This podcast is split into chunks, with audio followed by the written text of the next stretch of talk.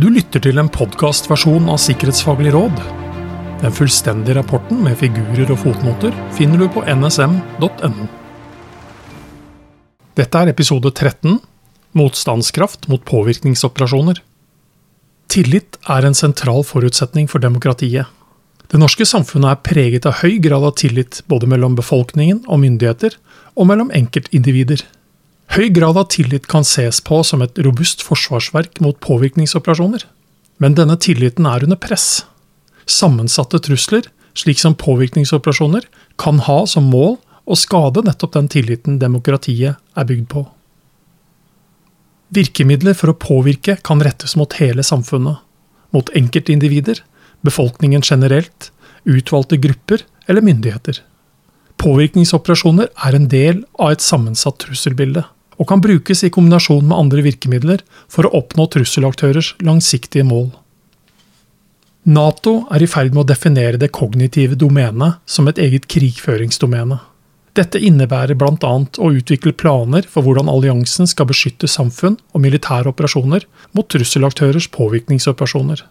Det kognitive domenet må integreres i en defensivt sikkerhetskonsept for å hindre at trusselaktører rammer verdier også gjennom dette domenet.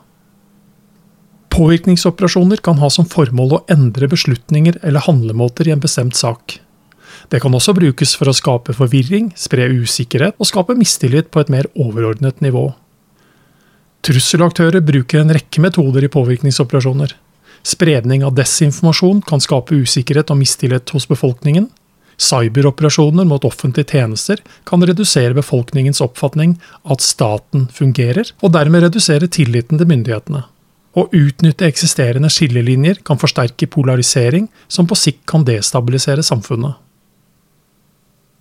Demokratiet er tuftet på noen grunnleggende verdier, som ytringsfrihet, åpenhet og mediemangfold.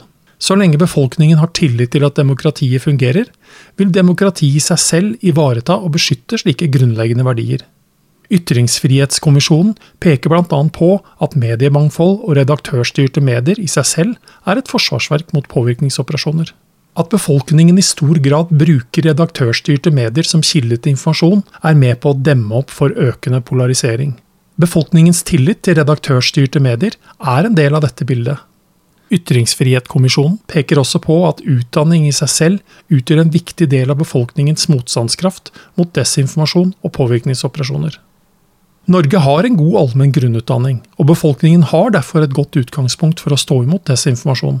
Økt bevissthet og kunnskap om hvordan trusselaktører opererer, er en viktig del av motstandskraften mot påvirkningsoperasjoner. Derfor er det viktig å bygge forståelse om både sammensatte trusler i stort, og mer spesifikt hvordan trusselaktører bruker påvirkning for å nå mål. Denne forståelsen må bygges hos myndigheter på alle forvaltningsnivå, blant virksomheter i alle sektorer og i befolkningen. I tillegg er det viktig at myndighetene har kunnskap om hvilke verdier som er spesielt sårbare for påvirkningsoperasjoner, og hvor konsekvensen av påvirkning er mest alvorlig. Sikkerhetsutfordringer Påvirkningsoperasjoner utnytter sårbarheter i åpne og demokratiske samfunn. I et åpent og liberalt demokrati som Norge er det et mangfold av meninger. Alle har rett til å ytre seg, det kan være svært vanskelig å avdekke om en trusselaktør sprer desinformasjon eller utnytter eksisterende og helt legitime skillelinjer i det norske samfunnet. Profesjonelle spredere av desinformasjon, såkalte trollfabrikker, kan f.eks. For forsterke konspirasjonsteorier som helt lovlig eksisterer i et demokrati. Tiltak mot påvirkningsoperasjoner kan ikke gå på bekostning av verdier som tiltakene nettopp er ment å beskytte, som tillit, ytringsfrihet, meningsmangfold journalistisk frihet, mediemangfold og akademisk frihet. Myndighetene må finne det rette balansepunktet for å opprettholde tilliten i befolkningen og ivareta grunnleggende verdier. Derfor er det avgjørende at myndighetene har god situasjonsforståelse om påvirkningsoperasjoner. En del av situasjonsforståelsen innebærer bevissthet om hvorvidt tiltak har en nedkjølingseffekt på ytringsfriheten, eller bidrar til å redusere tillit mellom folk og til myndigheter. Store samfunnsomveltninger skaper usikkerhet. Bare siden starten av 2020-årene har både verden og Norge gått gjennom store samfunnsomveltninger. Koronapandemi, klimakrise og Russlands invasjon av Ukraina har sammen med andre utviklingstrekk ført befolkningen inn i en mer usikker tilværelse. Høyere renter, økte priser og kutt i offentlige tjenester skaper misnøye i 2023. Dette kan igjen bidra til økt polarisering i befolkningen og svekke tillit til politikere og demokratiske institusjoner. En slik utvikling kan utnyttes av trusselaktører som har interesse av å forsterke disse utviklingstrekkene. Teknologiutvikling gir trusselaktører nye påvirkningsmuligheter. Nyvinninger som kunstig intelligens, deepfake, nye plattformer og digitale virkeligheter vil i tillegg til mulighetene de bringer med seg, skape nye sårbarheter i samfunnet og åpne for nye muligheter for påvirkningsaktører. Nyhetsartikler og annet innhold med ønsket vinkling kan produseres automatisk i store mengder med stadig bedre kvalitet. Deepfake-teknologi blir stadig mer tilgjengelig og kan utnyttes av aktører til å utgi seg for å være noen andre. Fremtidens digitale virkeligheter åpner opp for helt nye muligheter for påvirkning. Trusselaktører påvirker gjennom sosiale medier. Sosiale medier er en stadig viktigere del av befolkningens kilder til informasjon. Dette er en del av den teknologiske utviklingen, med mange positive effekter for befolkningen og samfunnet. Samtidig bringer det med seg noen negative effekter, som økt makt til teknologiselskaper med manglende demokratisk kontroll, og at trusselaktører utnytter sosiale medier til egen fordel. I påvirkningsoperasjoner kan sosiale medier spille en stor rolle. Informasjon spres raskt, og falske nyheter spres raskere enn reelle nyheter. Algoritmene er av kommersielle hensyn lagt opp til å skape engasjement gjennom antall oppslag, noe som bidrar til at negative følelser spres raskere. Sosiale medier brukes f.eks. til å spre desinformasjon, og kan forsterke eksisterende konflikter i et samfunn. Påvirkningsoperasjoner kan være utfordrende å avdekke. Det skyldes delvis påvirkningsoperasjoners natur, fordi de er rettet mot ulike sektorer og befolkningsgrupper, uten at en enkelt myndighet har hele oversikten. Derfor går mange påvirkningsoperasjoner under radaren. De kan treffe lokalt, eller være rettet mot enkeltindivider eller mindre deler av befolkningen. Ulike former for desinformasjon kan bli spredt fort, også til kilder som vanligvis er pålitelige. Det er svært vanskelig for den enkelte å avdekke om man er utsatt for påvirkning. Det er en utfordring i seg selv å avgjøre når en påvirkningsoperasjon er alvorlig nok til å utløse en reaksjon. Mange små hendelser kan føre til en gradvis utvikling.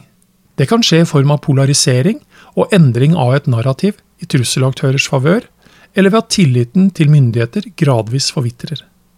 Dette er langsiktige prosesser, og det er vanskelig å identifisere konkrete enkelthendelser. Amerikanske myndigheter har ettergått russisk påvirkning, og beskriver det som et nettverk i et økosystem i rapporten Pillars of Russia's Disinformation and Propaganda Ecosystem fra 2020. Aktivitetene i nettverket beveger seg fra det åpne til det skjulte. Åpen aktivitet skjer gjennom Russlands offisielle myndighetskommunikasjon og statskontrollerte medier.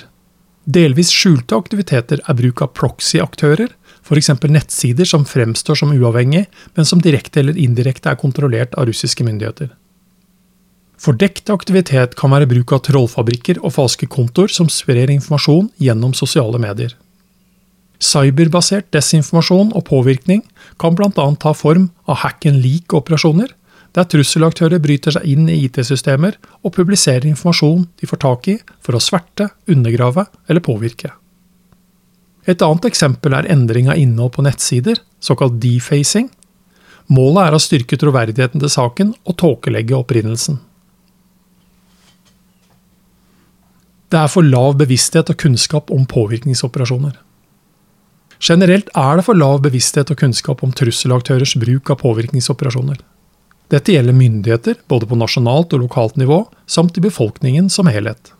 Siden påvirkningsoperasjoner kan treffe bredt, er det viktig med bevissthet og kunnskap i brede lag av befolkningen. Det er samtidig viktig at kommunikasjon rundt påvirkningsoperasjoner treffer den rette balansen. Kommunikasjonen fra myndighetene må være tydelig, slik at den ikke skaper misforståelser eller mistillit til myndighetene. Anbefalinger Nasjonal innsats mot påvirkningsoperasjoner må samordnes i én etat. Formålet er å sikre en koordinert innsats for å styrke motstandskraften i befolkningen. Det forutsetter tilgang til høygradert trussel- og sikkerhetsinformasjon, slik at påvirkningsoperasjoner ses som en del av sammensatt virkemiddelbruk. Det bør vurderes om etaten trenger hjemmelsgrunnlag for innhenting fra åpne kilder. Det nasjonale ansvaret for å samordne og styrke andre aktørers arbeid knyttet til påvirkningsoperasjoner skal ligge til denne etaten. Her kan flere ulike aktører ha viktige roller, f.eks. innen utdanningssystemet, forskningsmiljøer, media og sivile myndigheter. Myndigheten skal formidle kunnskap til befolkningen og bidra med beslutningsstøtte til regjeringen og sektormyndigheter. Myndigheten skal legge til rette for forsknings- og kunnskapsutvikling som gir grunnlag for å øke bevissthet og kompetanse om påvirkningsoperasjoner. Myndigheten har også ansvar for internasjonal samordning om påvirkningsoperasjoner, og fungerer som nasjonalt kontaktpunkt mot EU og Nato. Dette innebærer også å følge opp internasjonalt samarbeid for regulering av sosiale medieplattformer og ulike typer av fremvoksende teknologier som kunstig intelligens og manipulert virkelighet. EOS-tjenestenes innsats mot påvirkningsoperasjoner må forsterkes innen eksisterende ansvarsområder. Det er et behov for felles ambisjonsnivå og prioritering om hvordan EOS-tjenestene skal håndtere påvirkningsoperasjoner. Dette må gjøres med utgangspunkt i EOS-tjenestenes ulike mandater og hjemmelsgrunnlag. Det bør vurderes om eksisterende ressurser og hjemmelsgrunnlag er tilstrekkelig. EOS-tjenestene bør intensivere informasjonsutvekslingen og samarbeide seg imellom. Påvirkningsoperasjoner inngår som en del av trussel- og risikobildet om sammensatte trusler, som blir satt sammen i Nasjonalt etterretnings- og sikkerhetssenter. Bevisstheten om påvirkningsoperasjoner i befolkningen bør styrkes. Tre forutsetninger for å bygge motstandskraft er en velinformert og utdannet befolkning, frie og uavhengige medier, og at befolkningen har tillit til myndigheter og til hverandre. Utdanningssystemet og media har derfor viktige roller i innsatsen mot påvirkningsoperasjoner. Kritisk medieforståelse styrker befolkningens evne til å delta i den offentlige samtalen, og er viktig for et velfungerende demokrati. Kritisk medieforståelse sørger for at befolkningen forstår hvordan media fungerer, og evner kritisk å bedømme det den ser. Det handler ikke bare om å forstå redaktørstyrte medier. Det handler om at befolkningen må forstå alle medier, f.eks. hvordan man påvirkes av algoritmestyrte sosiale medier. Skolen har et ansvar for å lære barn og unge kildekritikk og medieforståelse. Det inkluderer sosiale mediers betydning.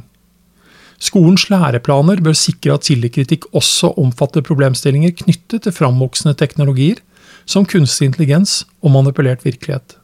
At mediepolitikken sikrer en fri, mangfoldig og uavhengig presse, bidrar i seg selv til forsvarsverk mot påvirkningsoperasjoner. I tillegg er det viktig at redaktørstyrte medier har bevissthet og kompetanse om påvirkningsoperasjoner. Journalister og redaktører bør i større grad få tilbud om tilgang til trussel- og sikkerhetsinformasjon. Dette styrker medias rolle i det forebyggende arbeidet mot påvirkningsoperasjoner, i tillegg til å styrke medias egen robusthet mot påvirkningsforsøk. Du har lyttet til en podkastversjon av Sikkerhetsfaglig råd. Mitt navn er Roar Thon.